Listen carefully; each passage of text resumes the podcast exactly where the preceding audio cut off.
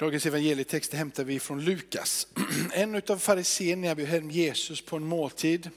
Han gick dit, han tog en plats vid bordet. Det fanns en kvinna i staden som var en synderska. Och när hon fick veta att han låg till bords i fariséernas hus kom hon dit med en flaska balsam. Ställde sig bakom honom vid hans fötter och grät. Hon vette hans fötter med sina tårar och torkade dem med sitt hår.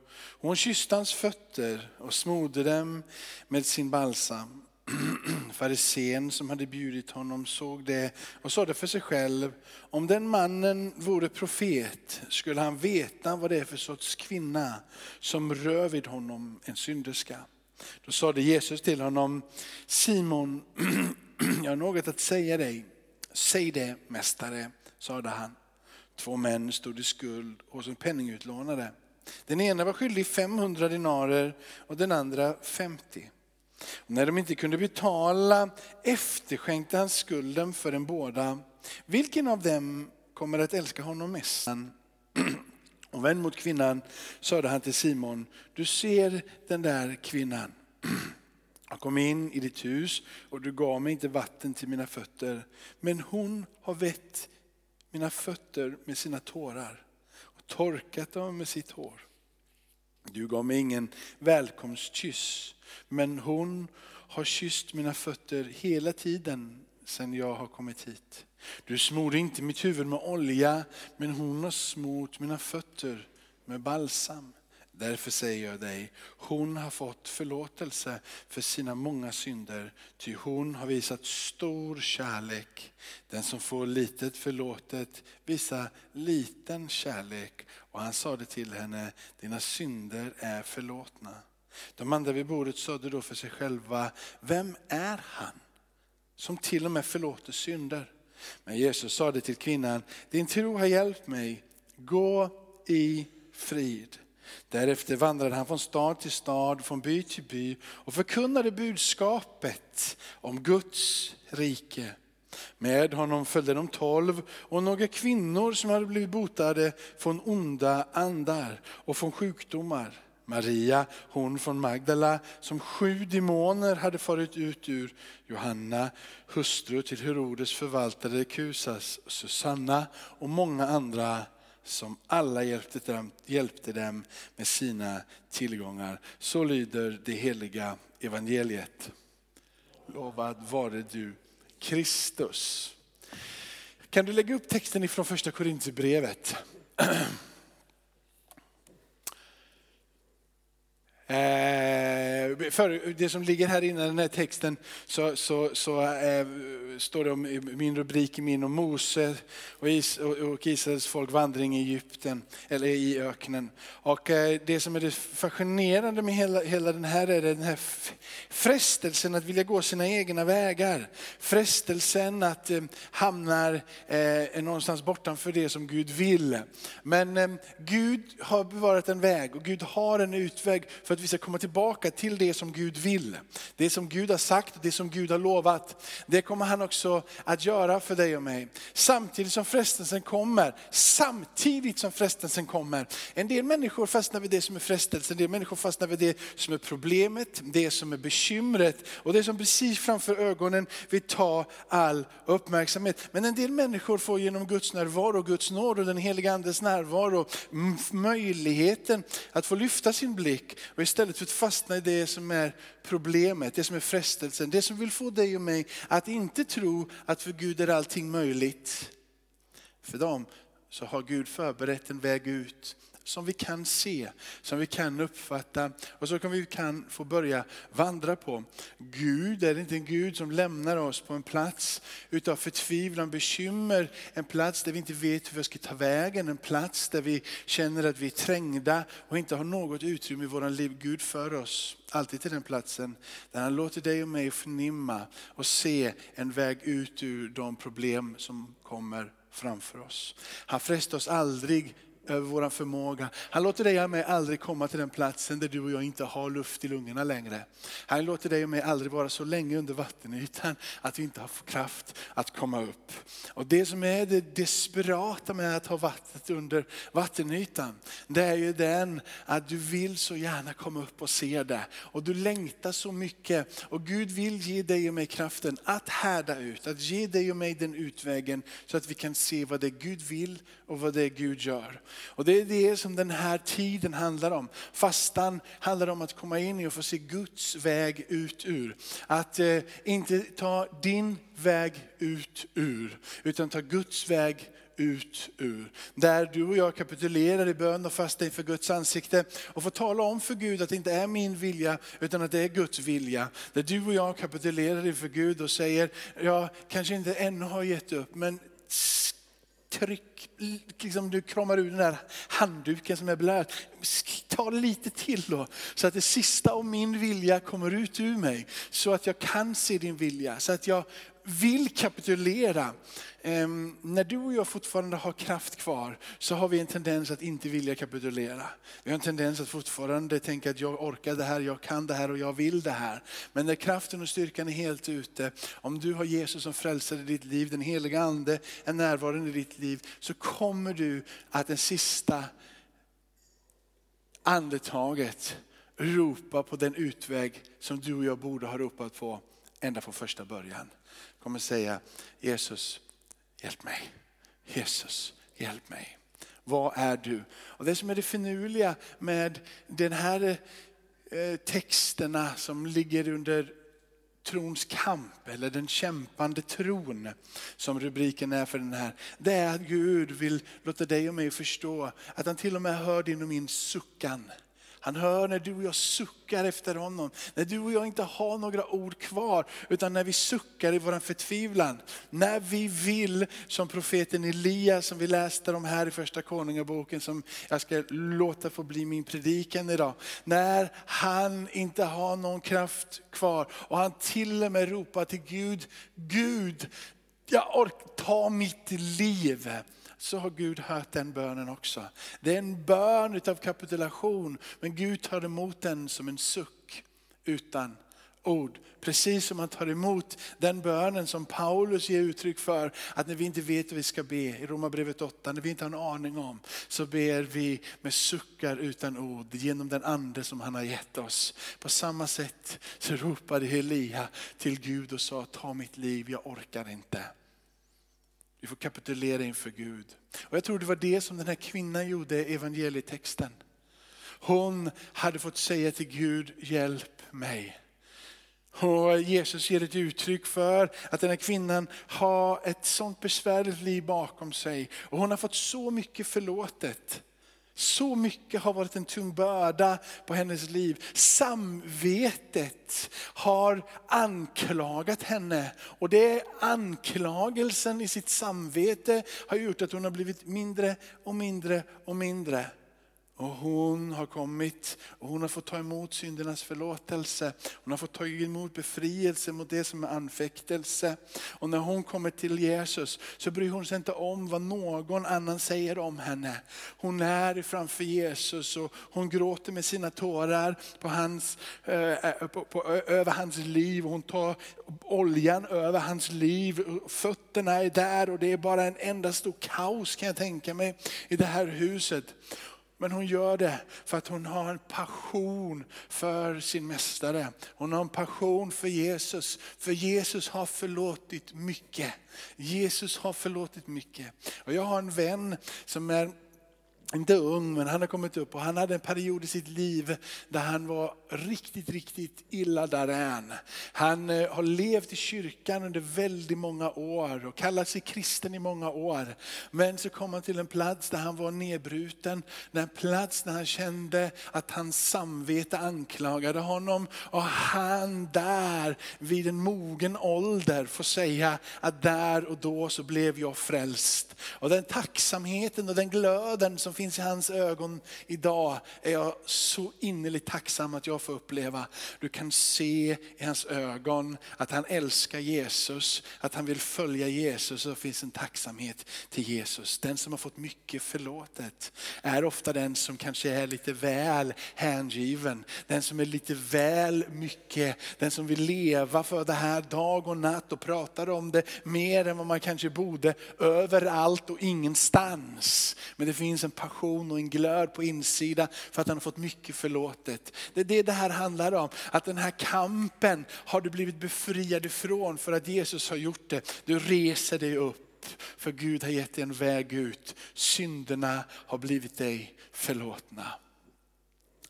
Ska vi gå in i den här texten som jag tänkte predika ifrån? Det är det så här att den här första konungaboken, det börjar ju inledningsvis så är det så här att, eh, att det är en fight emellan eh, det är egentligen en fight mellan olika, olika andemakter. Det är en fight mellan, mellan Guds eh, makt och det är mellan ondes makt. Fight mellan Baal, profeterna, och makten som, ut, som strömmar sig från Baal och makten som utgår ifrån Gud. Och Baal vill, ehm, har, har gjort anspråk på landet, den här andemakten har gjort anspråk på att agera och ha inflytande över landet. Elia reser sig upp och säger att ni måste lyssna folk. Det finns inte speciellt mycket kraft i den där makten. Utan den makten som utgår ifrån min Gud har makt att låta eld falla ner och förtära ett brännoffer utan att mänsklig eld har tänt på det här. Så blir det en fight däremellan, mellan Baals profeter som försöker ropa ner eld från himmelen, lyckas inte. Och Elias som ropar ner eld ifrån himmelen och då lyckas dra ner eld ifrån himmelen. Gud, säger han, min Gud är en Gud som är levande. Min Gud är en Gud som svarar. Min Gud är en Gud som är aktiv. Och så lyckas han få folket att styra sin uppmärksamhet bort ifrån den ondes makt, Bals makt, inflytande över landet. Styra tillbaka folket in i Guds inflytande och Guds inflytande över landet. Styr deras uppmärksamhet och fokus tillbaka. tillbaka. Och det är här som berättelsen kommer in. Denna gigant, denna troshjälte som eh, senare i den här berättelsen 9 förlorar all kraft. Förlorar allting bara rinner av honom. Och jag vet inte hur du är, men om man är nyfrälst så är det okej okay att vara svag. Det, det är liksom, ja, men då, då är det liksom mitt att fråga, du kommer till någon som har varit kristen längre och det, det är okej okay liksom att, att du, du gör lite misstag och de andra kommer att säga Men om du har varit frälst länge då? När du har gått med Gud länge? Hur är det med, med dig som har varit frälst i tio år? Måste du vara stark jämt? Måste du vara sådär god jämt? Är det inte så att han har utlovat dig och mig beskydd och frälsning och hopp om ett evigt liv, även när du är trött? Och även när du är modfälld och inte har någon kraft och du inte vill komma tillbaka. Du vet, du är inte en sämre kristen för att du är trött och modfälld. Du är inte en sämre kristen för att du upplever en sjukdom och inte längre har någon kraft. Du är inte en sämre kristen för att du går igenom depression och ångest. Vi lever i en värld som är förtappad, den är ofullkomlig. Och det här livet går hårt åt var och en av oss. Det enda Gud tror jag vill är att du som upplever att du måste vara stark, blir fångad av honom. Sorg, bedrövelse, sjukdom, död kan slå till när som helst. Ibland så sker det på ett ögonblick så som det skedde för några dagar sedan i Nya Zeeland där det är någon konstig människa som går in och mejar ner folk mitt på ljusa dagen.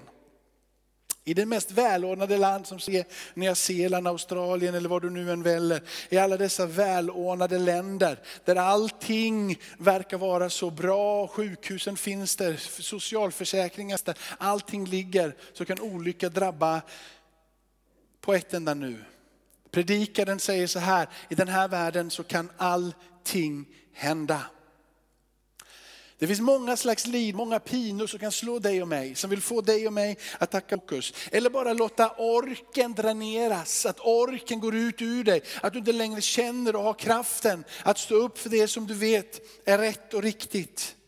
Besvikelser. Besvikelse över att det inte blev som du hade tänkt. Besvikelse över vad folk har sagt. Besvikelse på Gud, att det inte blev så som Gud hade sagt, som du trodde att det blev. Den största besvikelsen är ju nästan när du får vara med om ett helande och jag står vid sidan om och jag får inte vara med om det. Och jag tror att jag ska få vara med om det så som du får vara med om det. Och vittnesbördet i mig säger att jag kommer få vara med om det, men det blir inte som jag har tänkt. Och så besvikelsen över att Gud agerar på din sida men inte på min sida. Och jag står står där ensam. Eller bara besvikelse på människor. Människor säger en sak men gör någonting annat och så tappar du hela din tilltro till att det är möjligt.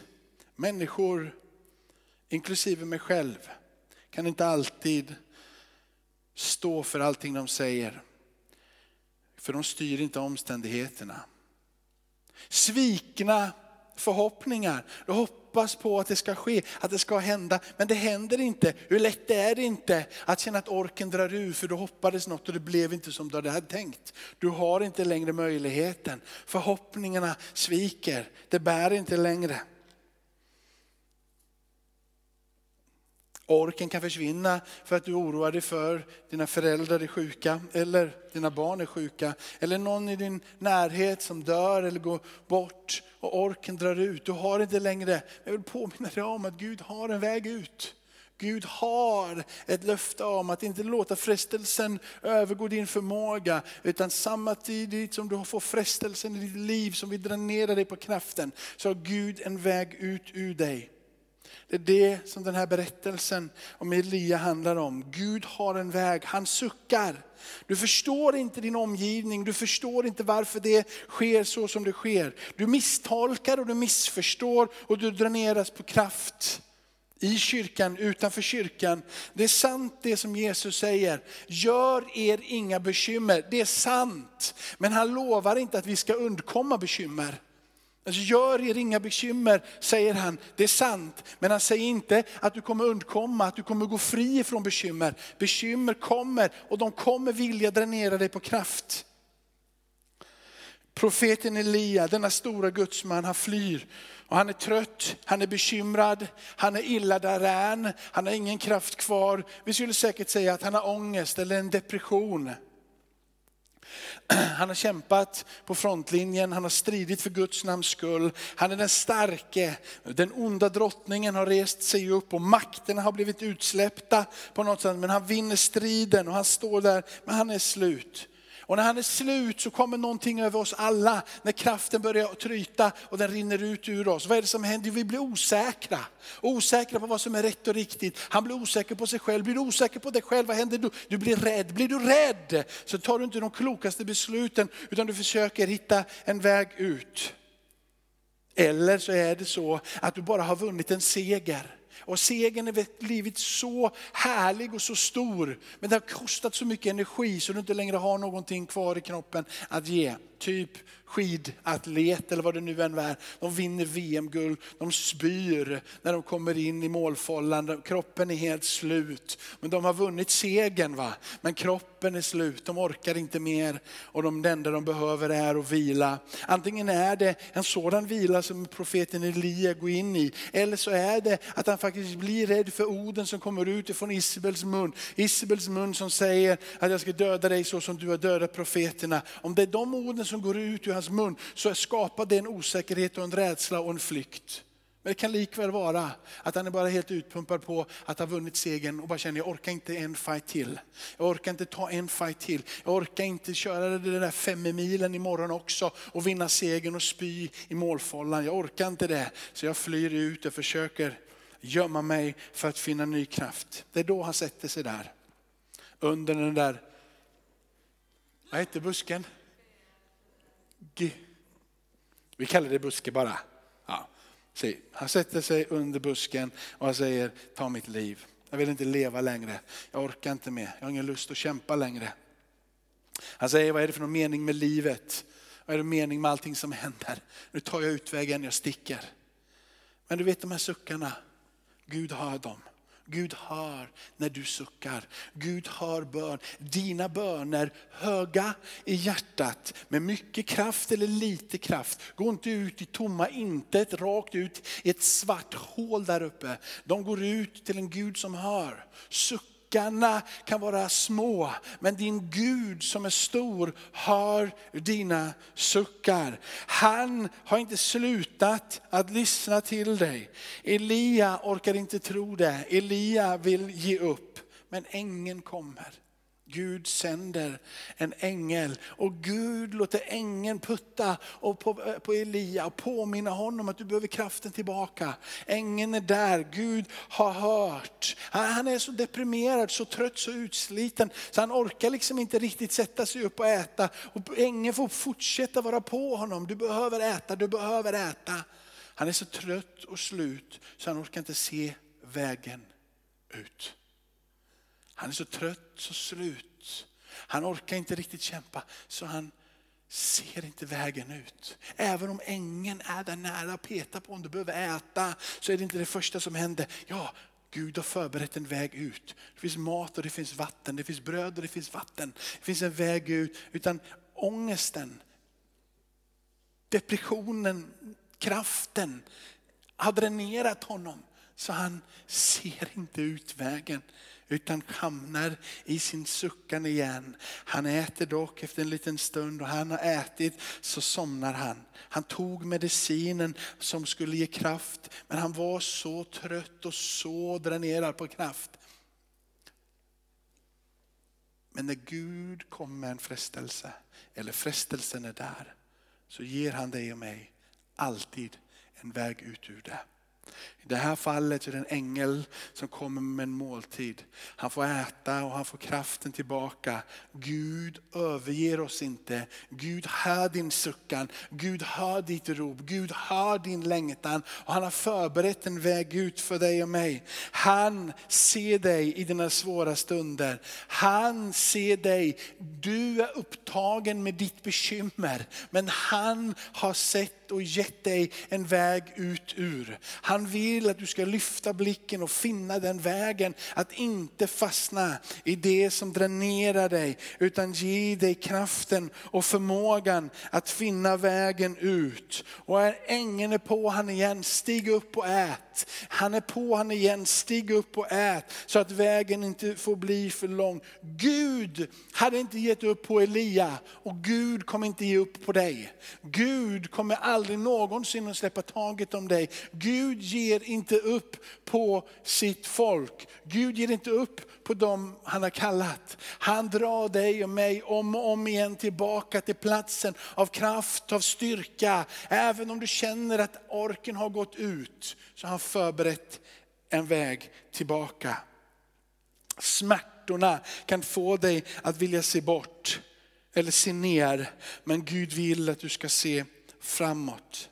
På samma sätt som Gud inte övergav Elia så har han inte övergett dig. Gud kom ner till jorden för dig. Jesus kom och han blev en delaktighet i den här världens bedrövelse. Han kom och han levde bland oss. Han delade våra villkor. Han delade våra villkor så till den graden att han under tårar och smärta led med dig och mig. Han kom och identifierade så med bedrövelsen som finns i den här världen, att han tog strid emot alla fiender som reser sig upp emot oss. Han banade och bröt en ny väg in i hans rike. Han är soningen för dina och mina synder. Så att inte det dåliga samvetet och anklagelserna ifrån den onde ska kväva ditt och mitt liv. Det var våra smärtor som han bar för att du och jag skulle få frid och läkedom. Elia hade det svårt orkade inte se hjälpen. Men Gud hade banat en väg för honom. På samma sätt kanske inte du orkar, väg, orkar se vägen ut. Men Gud har banat en väg för dig. Han säger samma sak till dig och mig idag som han sa till Elia. Jag har banat en väg för dig. Res dig upp och gå. Jag är vid din sida.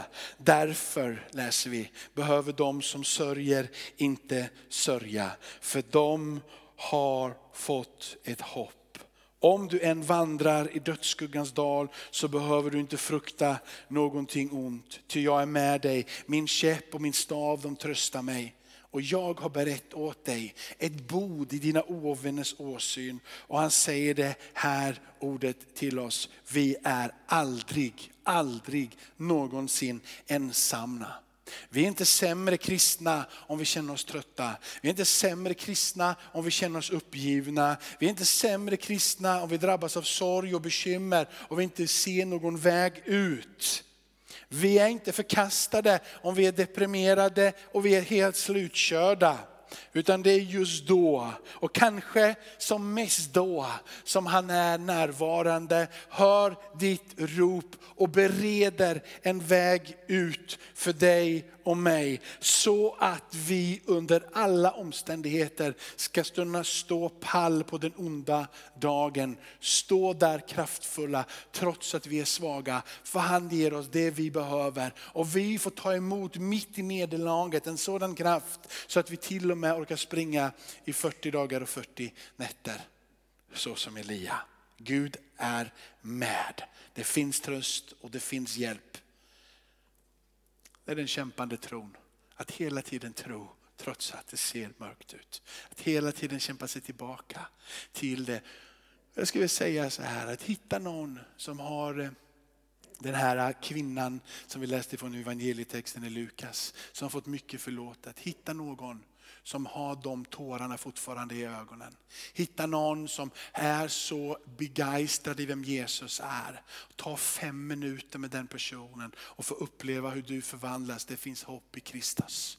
Det är det som är hela poängen. Att få se hur det som har gnagt och trasat sönder och gjort människan liten och svag på grund av anklagelserna i samvetet. blir befriad ifrån dessa samvetskval och du och jag får se varandra i ögonen, uppleva den glädje, uppleva den kärleken och tillsammans med den personen få uppleva befrielse, helande, upprättelse och läkedom. Och allt folket sa. Amen. Tackar dig Fader i himmelen för att vi får komma till ditt hus. Och i ditt hus hittar vi kraft. I ditt hus hjälper du oss Herre att bereda en väg ut. Vi kommer hit för att vi inte vill stå där och titta problemen och bli uttorkade utan vi kommer till ditt hus för att finna vägen ut Herre. Tack för att du ger oss urskiljning i den här tiden så vi kan se klart och tydligt Herre det goda du gör i de människor som finns runt omkring oss Herre. Jag tackar dig Fader i himmelen för vad du gör i det här huset, vad du gör i kyrkorna runt omkring i Göteborg Herre. Tack för att du är en Gud Gud som agerar. Du är på jakt efter att frälsa. Du är på jakt, på jakt efter att upprätta. Du är på jakt efter Herre att ta ditt folk in i en helt ny tid. Tack för att mitt i frestelsen så har du banat en väg ut. Prisa dig Jesus, välsigna dina eh, barn idag Herre när vi går in i nattvarden och finner ny kraft och ny styrka. Ska vi stå upp tillsammans och så bekänner vi vår tro innan vi tar upp en kollekt och Benjamin leder oss vidare in i nattvarden. Vi tror på Gud Fader allsmäktig, himmelens och jordens skapare. Vi tror också på Jesus Kristus, hans enfödde son, vår Herre, vilken är avlad av den helige Ande, född av jungfru Maria, pinad under Pontius Pilatus, korsfäst, död och begraven, nedstigen till dödsriket, på tredje dagen uppstånden igen ifrån de döda, uppstigen till himmelen, sittande på allsmäktig Gud Faderns högra sida, därifrån igenkommande till att döma levande och döda. Vi tror och på den helige Ande, en helig allmännelig kyrka, det heliga samfund, syndernas förlåtelse, det dödas uppståndelse och ett evigt liv.